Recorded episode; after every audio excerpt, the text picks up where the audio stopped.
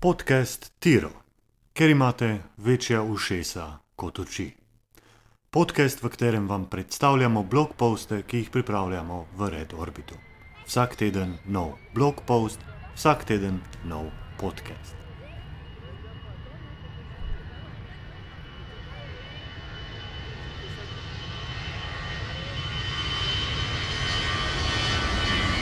V peti epizodi, v kateri vas Peter pozdravljam, se vračamo nazaj v prihodnost oziroma v sedanjost. Prejšnja epizoda je prinašala prispevek iz našega bloga, ki je tam že nekaj časa objavljen.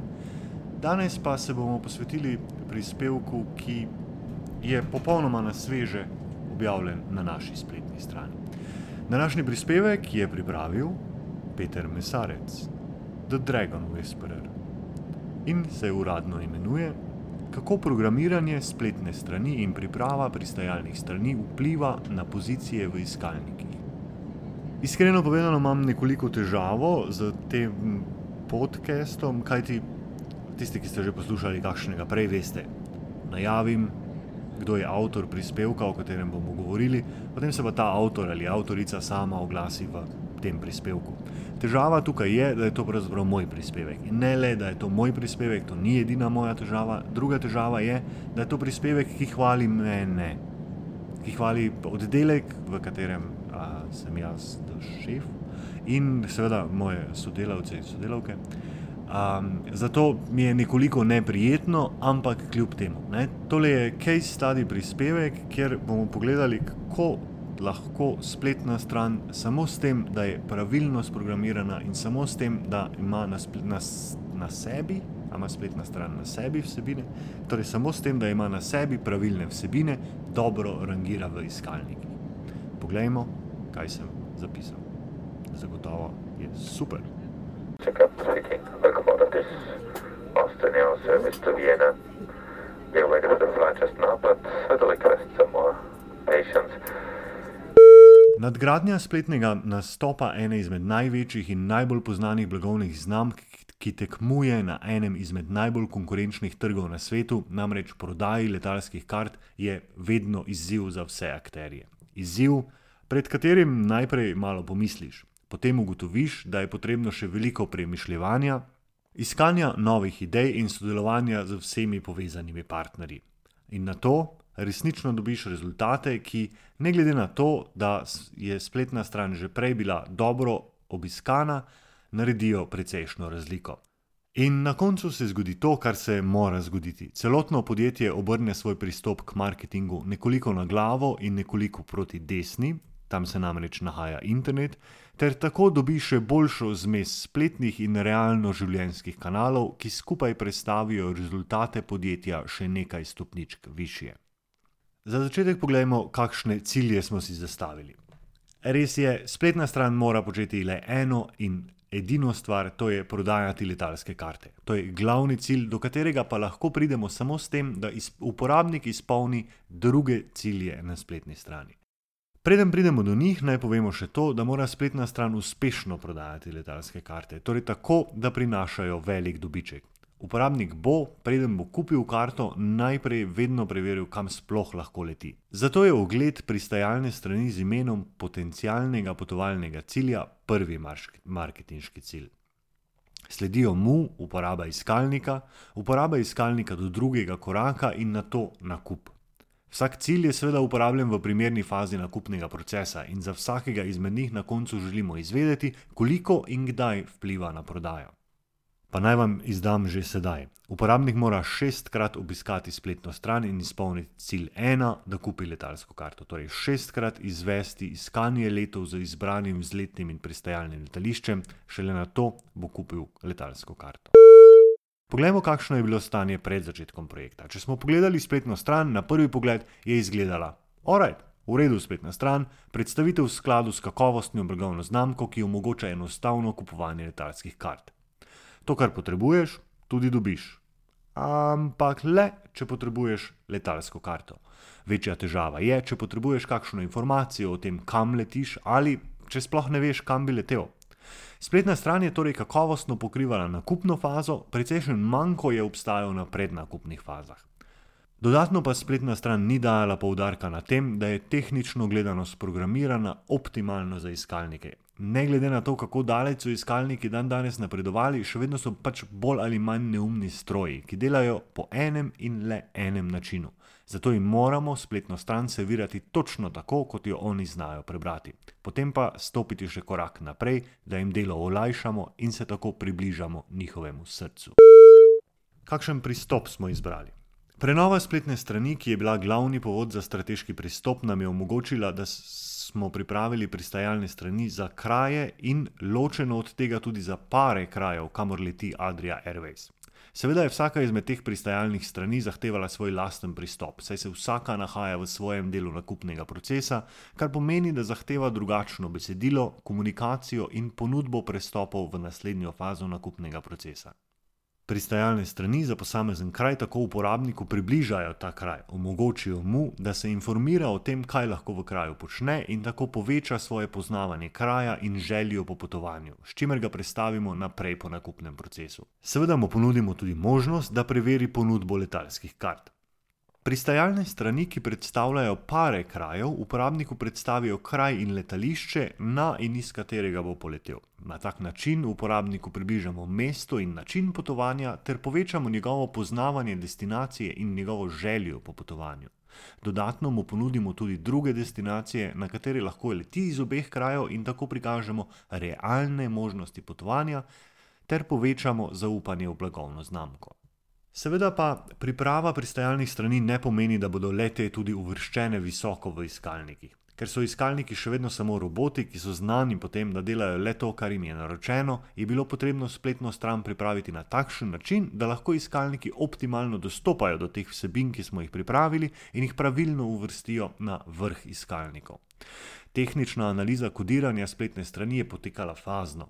S preverjanjem skoraj 100 kriterijev in implementacijo sprememb je bilo zagotovljeno, da je spletna stran v skladu z vsemi najnovejšimi javno in manj javno objavljenimi navodili in smernicami. Sledili so redni polletni pregledi in nadgradnje tehnične optimiziranosti, ki zagotavljajo, da spletna stran ostaja v skladu z najnovejšimi smernicami. Zadnjo fazo prenove pa je predstavljala vsebinska optimizacija. Spletna stran je bila objavljena v štirih tujih jezikih in danes so dodani še štirje. Vse to skupaj je pomenilo, da je vsebinska optimizacija zahtevala poglobljeno analizo ključnih besed tako v slovenščini, angleščini, nemščini, francoščini in še ruščini s svojo cirilico zraven. Analiza in optimizacija vsebin, posebej metapodatkov na obstoječih straneh, je zagotovila, da lahko spletna stran visoko rangira v iskalnih rezultatih za prodajne ključne besede. Nove, dodane pristajalne strani za vsako mesto predstavljajo veliko število pristajalnih strani. Zato je bila za metapodatke, torej za metanaslov in metaopis, pripravljena matrika, ki je zagotovila samodejno pripravo metapodatkov. Za ključne besede, ki so še posebej konkurenčne in ciljne za naročnika, pa se je dodatno pripravila ročna analiza in unikatna priprava metapodatkov, ki je zagotovila najoptimalnejšo vsebinsko optimizacijo. Seveda pa vsebinska optimizacija obsega še druge elemente, metapodatke le najra, najlažje razložim. Govorili smo tudi o sistemu internih povezav, optimizaciji fotografij, analize besedil in vse skupaj je pravzaprav prineslo rezultate, s katerimi se želimo danes pohvaliti. Poglejmo, kakšni so bili ti rezultati. Priprava dodatnih pristajalnih strani je v prvi fazi pomenila, da je Google poindeksiral enostavno večje število URL naslovov in da je spletna stran začela rangirati za nove ključne besede. S tem smo takoj lahko pričeli šteti nove oglede in nove obiskovalce. Glede na to, da se spremlja veliko število ključnih besed preko večjih skalnikov, ne bomo izpostavljali posameznih ključnih besed. Spremljali smo približno 140 ključnih besed v šestih različnih iskalnikih. Lahko pa pogledamo skupne rezultate. Ko smo merili julija 2013 pred začetkom optimizacije, se je izmed 140 ključnih besed na prvih 100 pozicij uvrstilo 72 besed. Torej, slaba polovica strokovno izbranih, to pomeni relevantnih, takšne, ki imajo veliko konkurence in, dovolj, in so dovolj pogosto iskane, slaba polovica teh ključnih besed sploh ni bila uvrščena med prvih 100 iskalnih rezultatov. 100 iskalnih rezultatov smo tukaj uporabili enostavno zato, da smo lahko dolgoročno videli, na kakšen način so se stvari spreminjale, zavedati pa se moramo, da obiskovalce prinaša le prvih deset iskalnih rezultatov. Januarja 2014, torej pol leta kasneje, je bilo neuvrščenih le še 24 ključnih besed. Torej iz 48 odstotkov neuvrščenih smo prišli na 17. In če stopimo še korak naprej, vidimo, da so se povprečne pozicije ključnih besed močno porastle. Če smo začeli s povprečno pozicijo 67, smo končali s povprečno pozicijo 26. To je povprečno pozicijo vseh ključnih besed preko vseh iskalnikov. Še enkrat, povprečna pozicija v šestih Google iskalnikih se je izboljšala za kar 40 mest. Ampak to je Redorbit, napredna SEO agencija, ki si cilje postavlja nekoliko više kot pozicije v iskalnikih. Zato pogledajmo podatke o obiskovalcih, kjer pa smo na rezultat morali ne počakati nekoliko dlje. Na strani se ni izvajala tako imenovana offsite optimizacija in zato je rezultat prišel kasneje, to smo vedeli. V prispevku lahko vidite graf, ki prikazuje gibanje števila obiskovalcev na spletni strani, ki smo ga pobrali iz Google Analyticsa. Vidimo lahko, da se je po izvedbi optimizacije število obiskovalcev nekoliko dvigalo, vendar rast ni bila navdušujoča. Obisk iz iskalnikov je v letu 2014, glede na leto 2013, porasel za 13 odstotkov. In glede na to, da je bila implementacija sprememb narejena komaj v drugi polovici leta, je to še sprejemljiva številka.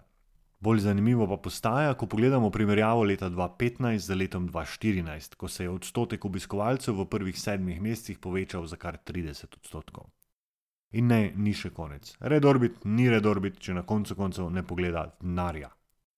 Merjenje prihodkov je edini resni kriterij, ko se pogovarjamo z lastniki podjetij in tukaj so številke. Če je obisk v obdobju januar do juli 2015 v primerjavi z januar do juli 2014 porasel za 30 odstotkov, je število transakcij poraslo za 38 odstotkov. To pomeni, da ne le, da smo na spletno stran pripeljali več obiskovalcev, pripeljali smo bolj ciljane obiskovalce, ki so raje kupovali. Na koncu še prihodni koraki, kajti že v prejšnjem podkastu je črt povedal, da konec resnično ni konec in tudi tokrat konec resnično ni konec.